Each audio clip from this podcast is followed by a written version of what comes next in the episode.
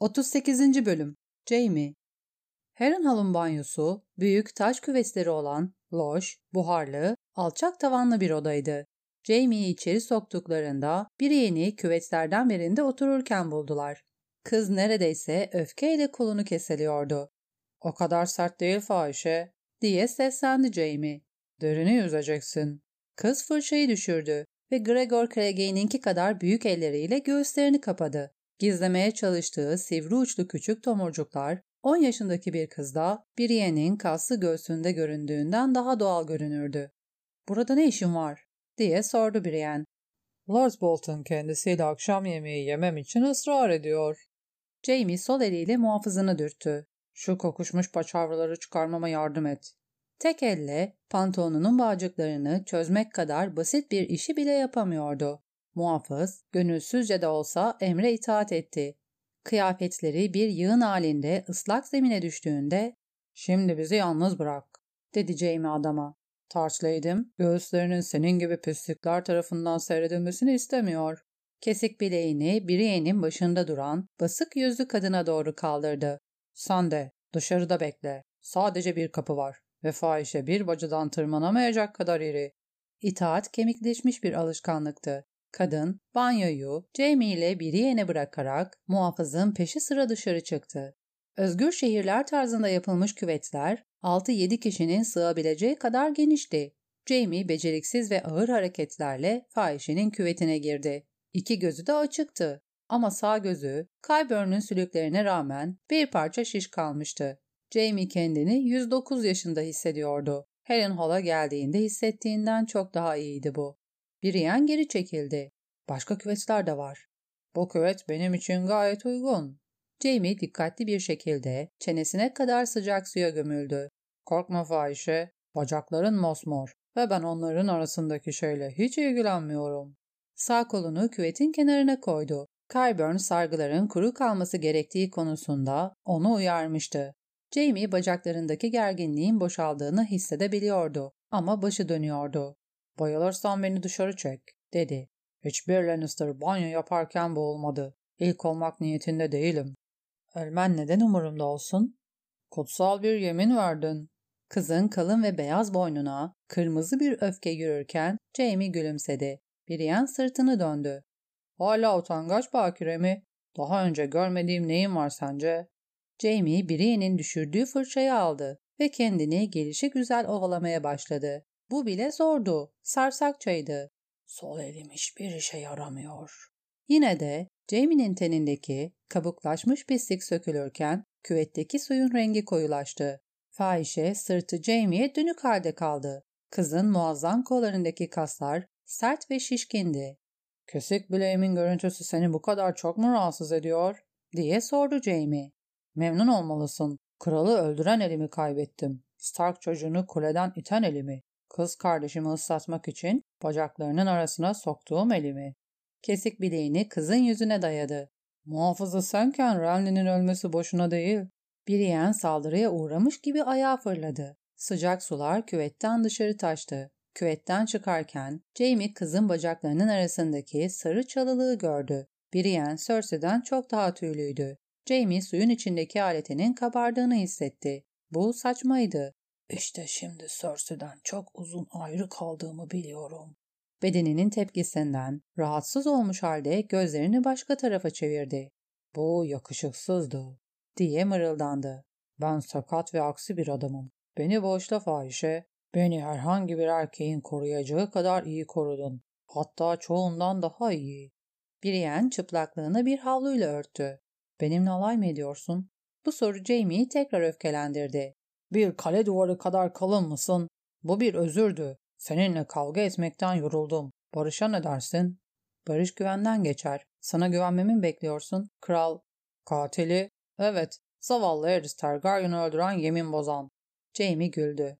Esef ettiğim Aerys değil aslında. Robert. Taç giyme töreninde duydum ki sana kral katili diyorlar dedi bana. Sonra güldü. Bunu alışkanlık haline getirme sakın. Neden kimse Robert'a yemin bozan demiyor?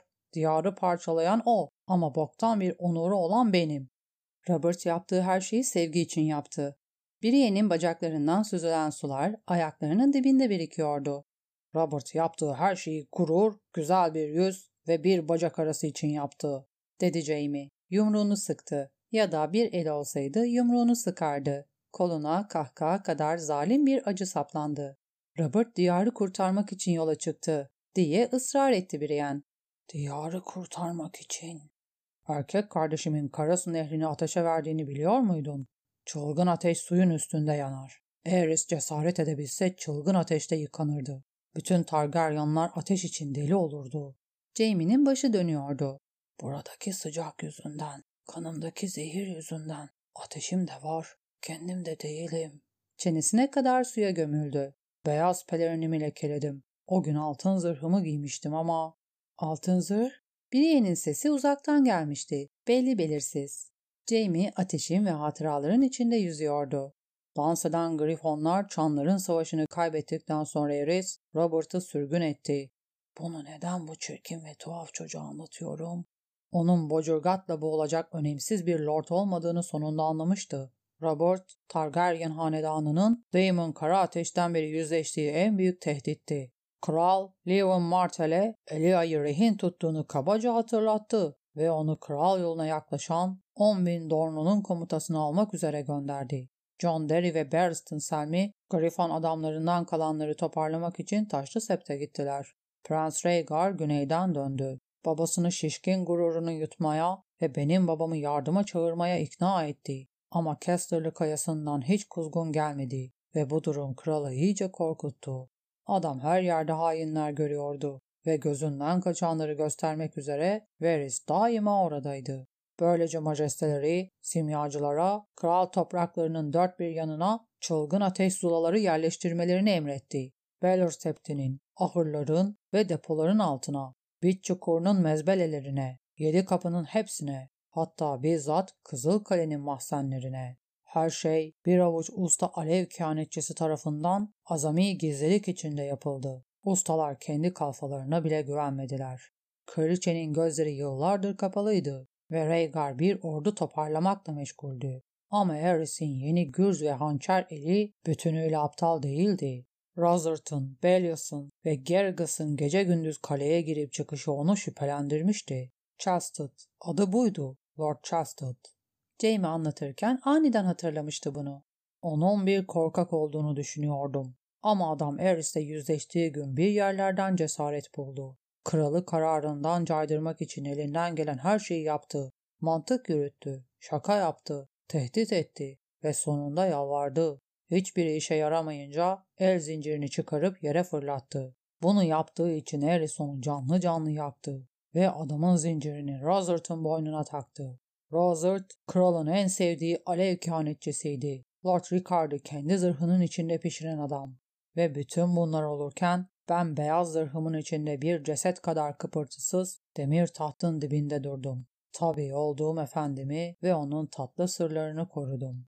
Yeminli kardeşlerimin hepsi uzaktaydı ama Eris beni yakınında tutmaktan hoşlanıyordu. Ben babamın oğluydum ve kral bana güvenmiyordu. Varys'in beni gece gündüz izleyebileceği bir yerde olmamı istiyordu. İşte bu yüzden her şeyi duydum. Jamie, maddinin yerleştirilmesi gereken yerleri göstermek için haritaları açan Rosert'ın gözlerinin nasıl parıldadığını hatırladı. Garrigus ve Baelius da aynıydı.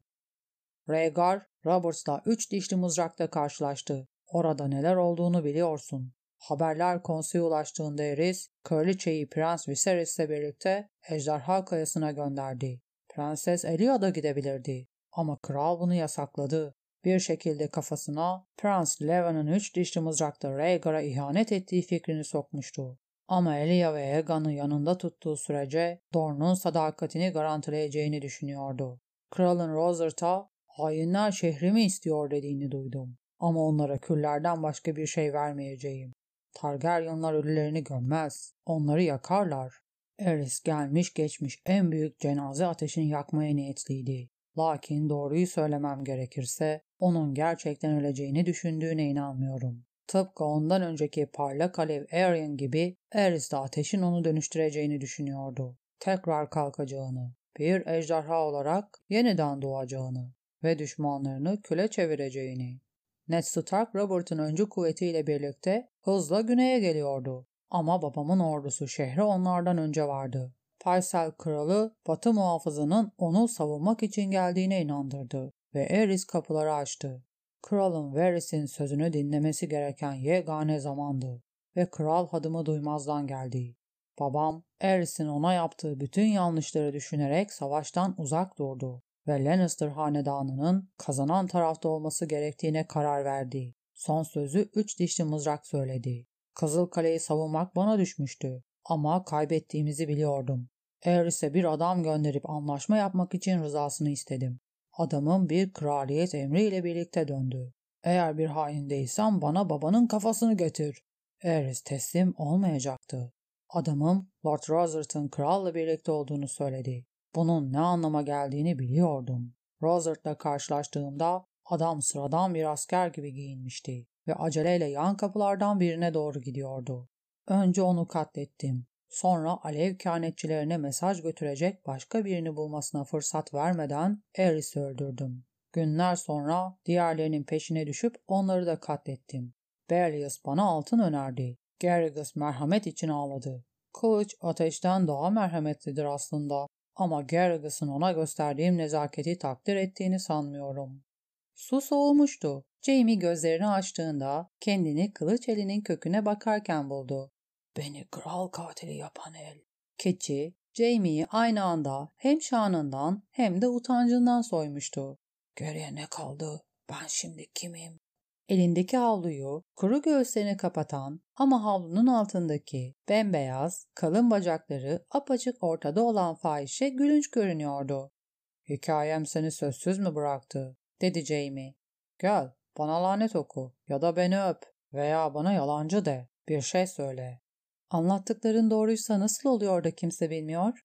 Kral muhafızlarının şövalyeleri kralın sırlarını saklayacaklarına dair yemin ederler. Bana yeminimi mi bozduracaksın? Jamie güldü. Soylu kış yarı lordunun benim zayıf açıklamalarımı duymak istediğini mi sanıyorsun? Öyle onurlu bir adam. Bana sadece bir kez baktı ve suçlu olduğuma karar verdi. Jamie ayağa kalktı. Göğsünden soğuk sular süzülüyordu. Kurt hangi hakla aslını yargılar, hangi hakla? Şiddetli bir titremeye tutuldu ve küvetten çıkmaya çalışırken kesik bileğini küvetin kenarına vurdu. Jamie'nin bedeni acıyla sarsıldı ve banyo birdenbire dönmeye başladı. Biriyen Jamie'yi yakalayıp düşmesini engelledi. Kolu soğuk ve nemliydi. Tüyleri diken diken olmuştu. Ama kız güçlüydü ve Jamie'nin tahmin ettiğinden daha nazikti. Brienne onun küvetten çıkmasına yardım ederken Cersei'den daha nazik diye düşündü. Bacakları sakat bir horozonkeler kadar titrek Jamie. Fahişenin muhafızlar diye bağırdığını duydu. Kral katili. Jamie diye düşündü Jamie. Benim adım Jamie. Kendine geldiğinde nemli zeminde yatıyordu. Muhafızlar, fahişe ve Kyburn endişeli ifadelerle başında dikiliyordu. Brienne çıplaktı ama bunu unutmuş gibi görünüyordu. Küvetlerin ısısı bunu yapar, diyordu Üstad Kyburn diğerlerine. Hayır, o Üstad değil. Onun zincirini aldılar. Kanında hala zehir var ve kötü beslenmiş. Ona ne yediriyorsunuz? Solucan, sedek ve gri kusmuk, dedi Jamie. Sert ekmek, su ve yulaf lapası, diye ısrar etti muhafız. Hemen hemen hiç yemiyor gerçi. Onunla ne yapacağız? Onu temizleyin, giydirin ve gerekirse kral ateşi kulesine taşıyın, dedi Kyburn. Lord Bolton bu akşam yemeğini onunla birlikte yemek için ısrar ediyor. Fazla vakit kalmadı. Bana onun için temiz kıyafetler getirin, dedi Brienne. Yıkanıp giyinmesiyle ben ilgileneceğim. Diğerleri bu işi birine bırakmaktan memnundu. Jamie'yi ayağa kaldırıp duvarın yanındaki sıraya oturttular. Brienne havlusunu almak için gitti ve Jamie'yi yıkamak için sert bir fırçayla geri döndü. Muhafızlardan biri Jamie'yi tıraş etmesi için Brienne'e bir ustura verdi. Carburn kaba kumaştan iç çamaşırları, siyah yünden bir pantolon, gri bir tunik ve önden bağlanan deri bir yelek getirdi. O esnada Jamie'nin baş dönmesi azalmıştı ama sarsaklığı geçmemişti. Fahişenin yardımıyla giyinmeyi başardı. Şimdi tek ihtiyacım gümüş bir ayna. Kanlı üstad Brienne içinde temiz kıyafetler getirmişti. Pembe ipekten lekeli bir elbise ve keten bir içlik. Özür dilerim Lady'm. Heron aldı size uyacak kadar geniş olan tek kadın kıyafeti buydu. Elbisenin daha ince kollar, daha kısa bacaklar ve daha dolgun göğüsler için dikildiği ilk bakışta anlaşılıyordu. İnce mihir danteli, Brienne'in tenindeki morlukları gizleyememişti. Neticede elbise fahişeyi gülünç göstermişti. Kolları benimkilerden kalın, boynu da öyle, diye düşündü Jamie. Zırh giymeyi tercih etmesine şaşmamak gerek. Pembe de kıza göre bir renk değildi. Jamie'nin aklına onlarca zalim şaka geldi. Ama Jamie bu sefer şakalarını kendine sakladı. Onu kızdırmasa iyi ederdi. Tek eliyle kızın dengi değildi. Kyburn bir matara da getirmişti. Zincirsiz üstad içmesi için ısrar ettiğinde ''Bu ne?'' diye sordu Jamie talepkar bir tonla. ''Sirkede demlenmiş meyan kökü, ballı ve karanfilli. Size biraz kuvvet verecek ve kafanızı temizleyecek.'' ''Bana yeni eller çıkaran bir iksir getir.''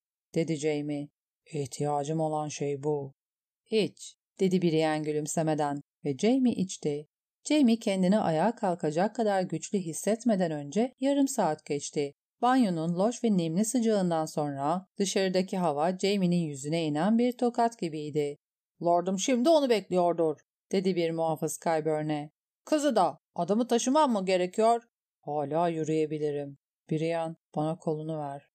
Kıza tutunan Jamie onu avludan geçirip geniş ve cereyanlı bir salona doğru götürmelerine izin verdi. Salon kral topraklarındaki taht odasından bile büyüktü. Duvarlara yaklaşık 10 adımda bir devasa şömineler yerleştirilmişti. Jamie'nin sayamayacağı kadar fazla şömine vardı ama hiçbiri yakılmamıştı ve duvarların arasındaki soğuk insanın kemiklerine işliyordu.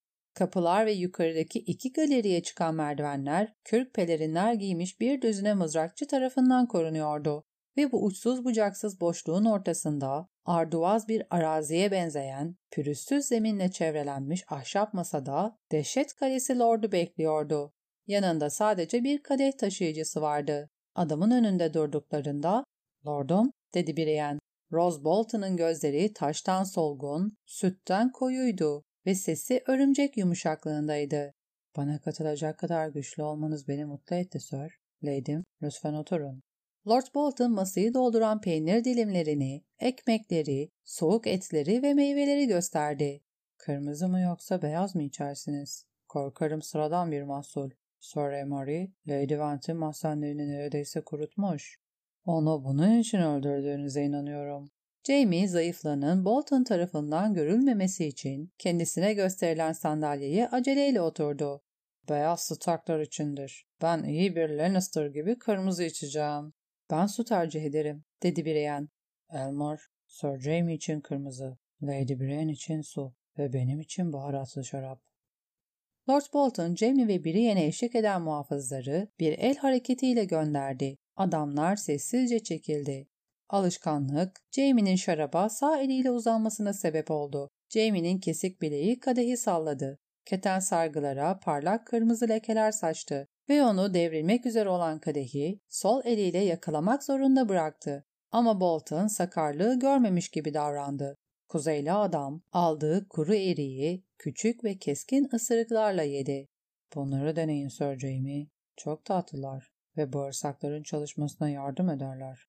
Lord Vargo bu erikleri bir handan almış. Orayı yakmadan önce. Bağırsaklarım iyi çalışıyor. O keçi bir lord değil. Ve erikleriniz beni ilgilendirmiyor. Maksadınızla ilgileniyorum. Size ilişkin maksadımla mı? Rose Bolton'un dudaklarına hafif bir gülümseme dokundu. Siz çok tehlikeli bir ödürsünüz sir. Gittiğiniz her yere nifak ekiyorsunuz. Buraya benim muslu yuvam Harrenhal'a bile. Adamın sesi fısıltıdan bir saç teli kalındı. Görünüşe göre Nehir Ova'da da aynı şeyi yapmışsınız. Edmund Tully'nin yeniden yakalanmanız için bin ejderha vaat biliyor muydunuz? Hepsi bu mu? Kız kardeşim bunun on katını öder. Öder mi?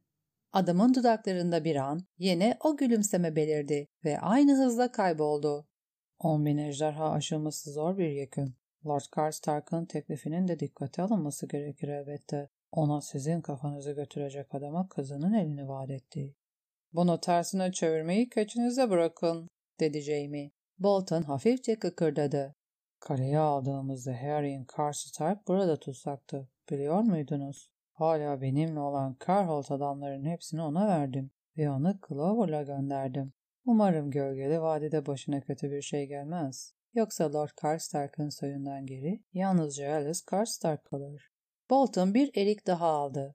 Ne şanslısınız ki benim bir eşe ihtiyacım yok. İkizlerdeyken Lady Waldo Frey ile evlendim. Güzel Waldo? Jamie beceriksiz bir şekilde sol eliyle kopardığı ekmeği kesik bileğiyle tutmaya çalışıyordu. Şişko Waldo, Frey Lord'u çeyiz olarak evleneceğim kızını ağırlığınca gümüş önerdi. Ben de eşimi bu doğrultuda seçtim. Elmar, Sir Jamie için ekmek kopar. Çocuk, ekmek somunundan yumruk büyüklüğünde bir parça kopartıp Jamie'ye uzattı. Brienne ise kendi ekmeğini kopardı. Lord Bolton, dedi kız. Harry'nin Vargoat'a vereceğini söyleniyor. Kale onun ücretiydi, dedi Lord Bolton. Borcunu ödeyen yegane insanlar Lannister'lar değil. Ben her halükarda yakın zamanda buradan ayrılmak zorundayım. Edmund Tully, ikizlerdir Lady Roslyn Frey ile evlenecek ve kralım iştirakimi emrediyor. Edmund mı evleniyor? dedi Jamie. Rob Stark değil mi? Majesteleri Kral Rob evlendi. Bolton avcuna tükürdüğü erik çekirdeğini kenara bıraktı. Sarpkaya'dan bir Westerling ile. Bana kızın adının Jane olduğu söylendi. Onu tanıdığınıza şüphe yoksa gelinin babası sizin babanızın sancak beyi. Babamın pek çok sancak beyi var. Onların çoğunun da kızları. Tek elle Jamie, Jane denen kızı hatırlamaya çalışarak şarap kadehine uzandı. Westerling, güçten çok gururu olan eski bir hanedandı. Bu doğru olamaz, dedi Brienne inatla. Kral Rob bir Frey ile evleneceğine dair yemin etti. O yeminini asla bozmaz. O, majesteleri 16 yaşında bir delikanlı, dedi Rose Bolton nezaketle. Ve sözlerimi sorgulamazsanız size müteşekkir olurum leydim. Jamie, Rob Stark için neredeyse üzgündü. Arazide kazandığı mücadeleyi yatak odasında kaybetti. Zavallı aptal. Lord Walder nasıl oldu da bir kurt yerine bir alabalık yemekten haz aldı? Ha, alabalıktan çok leziz akşam yemeği olur. Bolton solgun parmağını kadeh taşıyıcısına doğru uzattı. Ama benim zavallı Elmer'ım aşk acısı çekiyor. Kendisi Arya Stark evlenecekti. Fakat Kral Rob tarafından ihanete uğrayan Frey babamın bu nişanı bozmaktan başka seçeneği yoktu. Arya Stark'tan haber var mı? Brienne öne eğildi. Lady Catelyn endişeli. Kız hala yaşıyor mu? Ha, evet, dedi dehşet kalesi lordu. Bundan emin misiniz lordum? Rose Bolton omuzlarını silkti. Arya Stark uzun zaman kayıptı. Bu doğru. Ama şimdi bulundu. Onu sağ salim kuzeye göndermek niyetindeyim. Onu ve ablasını, ikisini de, dedi Brienne. Tyrion Lannister abi karşılığında kızların ikisini de vereceğine dair yemin etti. Bu sözler Dehşet Kalesi Lord'unu eğlendirmiş gibiydi. Neydim? Size kimse söylemedi mi? Lannister'lar yalan söyler. Hanedanımın onuruna hakaret mi ediyorsunuz? Jamie sağlam eliyle peynir bıçağını aldı. Yuvarlak ve kör bir uç, dedi. Parmağını bıçağın kenarına kaydırdı. Buna rağmen gözünüze saplanır. Alnı boncuk boncuk terlemişti. Jamie hissettiği kadar zayıf görünmediğini umuyordu sadece. Lord Bolton'ın küçük gülümsemesi dudaklarını tekrar ziyaret etti.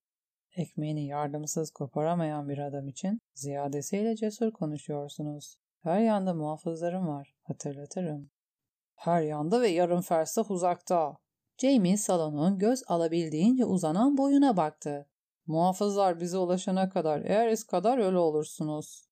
Ev sahibinizi kendi peynir ve zeytini üstünden tehdit etmeniz kahramanca sayılmaz, diye çıkıştı dehşet kalesi lordu. Biz kuzeyde misafirperverlik yasalarını hala kutsal sayarız.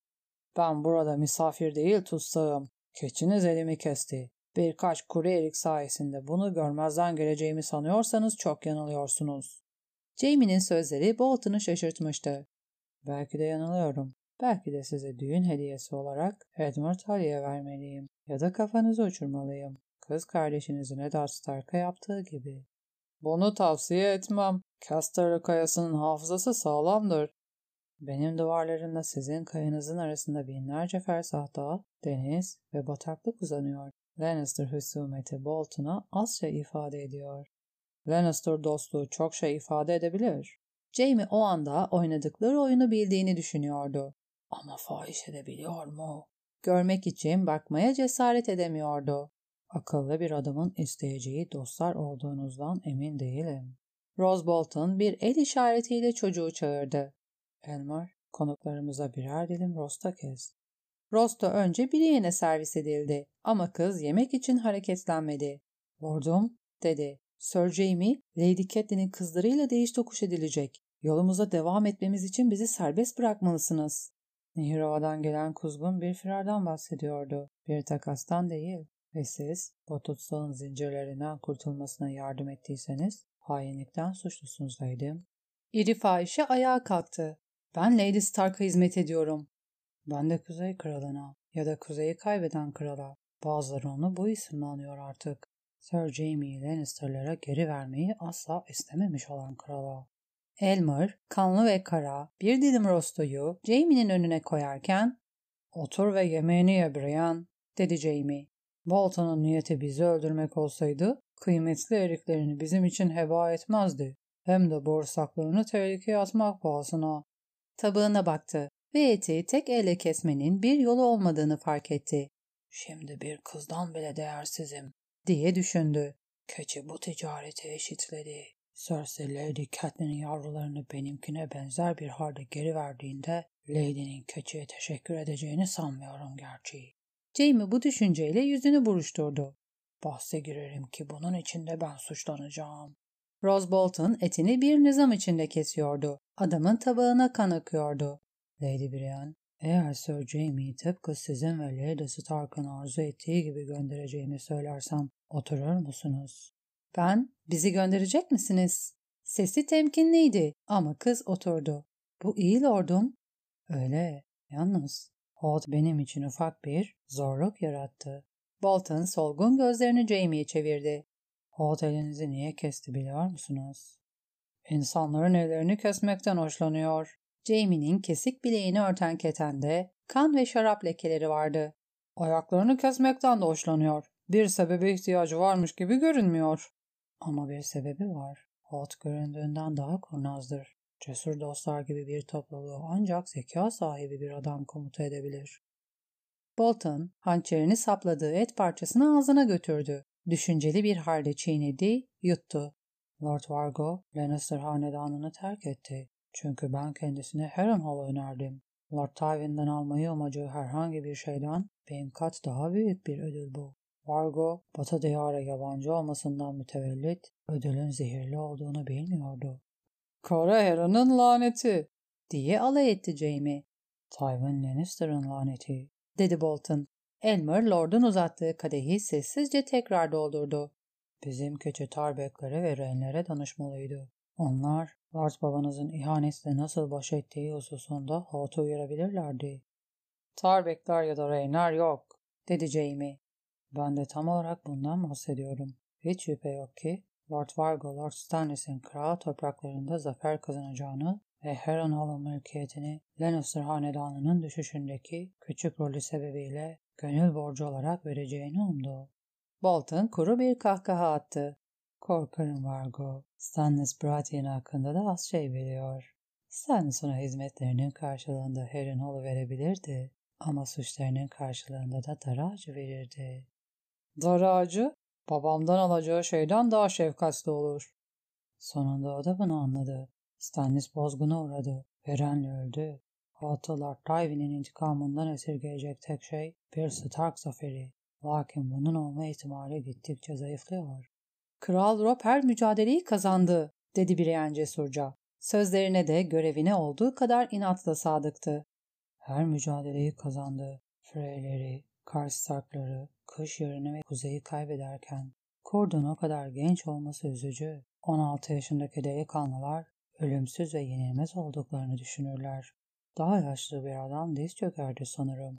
Savaştan sonra daima barış vardır ve barışla birlikte aflar gelir. En azından Rob Stark gibiler için, Vargohot gibiler için değil. Bolton hafifçe gülümsedi. Keçiyi her iki tarafta kullandı ama hiçbiri onun ölümünü ağlamaz. Cesur dostlar Karasu Savaşı'nda dövüşmediler ama orada öldüler. Yaz tutmazsan beni bağışlar mısınız? Beçare ve kara batlı keçimize hiç acımıyor musunuz? Aa, ama tanrılar acıyor olmalı. Yoksa neden siz onun ellerine teslim etsinler? Bolton bir parça et daha çiğnedi. Carholt, Harrenhal'dan daha küçük ve daha yoksul. Lakin aslanın pençelerinden epey uzakta. Vargo Ellis Karstark'la evlendiğinde gerçek bir lord olabilir. Babanızdan biraz altın alabilse daha iyi olur. Ama Lord Tywin ne kadar altın öderse ödesin, Vargo sizi Lord Ricardo verir. Vargo'nun ödülü o kız ve güvenli bir sığınak olur. Ama sizi satabilmesi için elinde tutması gerekir ve nehir toprakları sizi memnuniyetle çalacak adamlarla dolu. Glover ve Talhart gölgeli vadide bozguna uğradı. Fakat orgularından geri kalanlar hala dışarıda. Yürüyen dağ sürüden ayrılanları katlediyor. Ben Karstark, Nehir Ova'nın güneyindeki ve doğusundaki arazilerde dolaşarak sizi arıyor. Başka yerlerde lordsuz ve kanunsuz kalan deri adamları, dört ayaklı kurt sürüleri ve Yıldırım Lordu'nun haydut çeteleri var. Dondarrion sizi ve keçiyi memnuniyetle aynı ağaca asar. Dehşet Kalesi Lordu ekmeğini tabağındaki kana bandı. Lord Vargon'un sizi güvende tutmayı umabileceği tek yer Heron oldu. Ama benim buradaki adamlarımın ve Sir Ennis'in freylerinin sayısı cesur dostların toplamından çok daha fazla. Vargo sizi Nehirova'daki Edmure Tully'e geri vereceğimden korktu şüphesiz. Ya da daha kötüsü sizi babanıza göndereceğimden. Sizi sakatlayarak kılıcınızı aradan çekip gözdağı vermek, babanıza gönderilecek dehşet verici bir hediye sahibi olmak ve benim için değerinizi azaltmak istedi. Çünkü o benim adamım. Ben de Kral Rob'un adamıyım. Halbuyken onun suçu benim suçumdur. Ya da babanız böyle düşünebilir. İşte benim küçük zorluğum burada.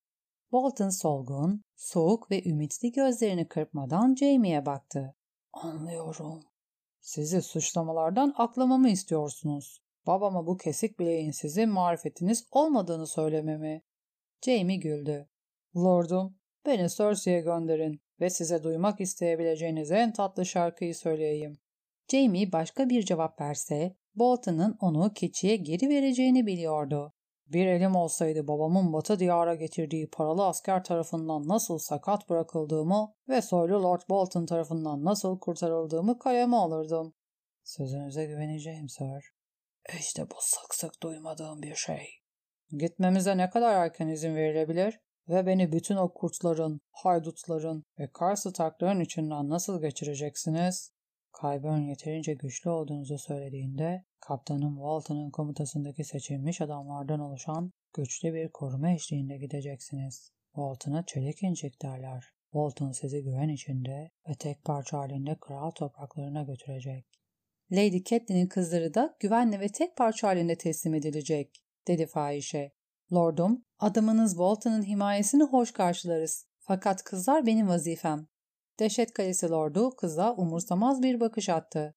Bundan böyle kızlarla ilgilenmenize gerek yok Lady. Lady Sansa cücenin karısı oldu. Onları yalnızca tanrılar ayırabilir artık. Karısı? dedi Brienne dehşet içinde. İblis. Ama o yemin verdi. Bütün meclisin önünde. Tanrıların ve insanların şahitliğinde. Ne kadar masum.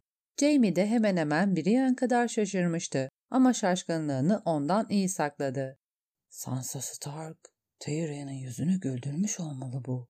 Kardeşinin küçük çiftçi kızıyla nasıl da mutlu olduğunu hatırladı Jamie 15 gün boyunca. İblisin ne emin verdiği ya da vermediği artık önemli değil, dedi Lord Bolton. Hele sizi hiç ilgilendirmez. Fahişe neredeyse yaralı görünüyordu. Rose Bolton muhafızlarını çağırdığında belki de Brienne tuzağın demir dişlerini hissetmişti sonunda. Sir Jaime buradan kral topraklarına devam edecek. Sizinle ilgili bir şey söylemedim korkarım.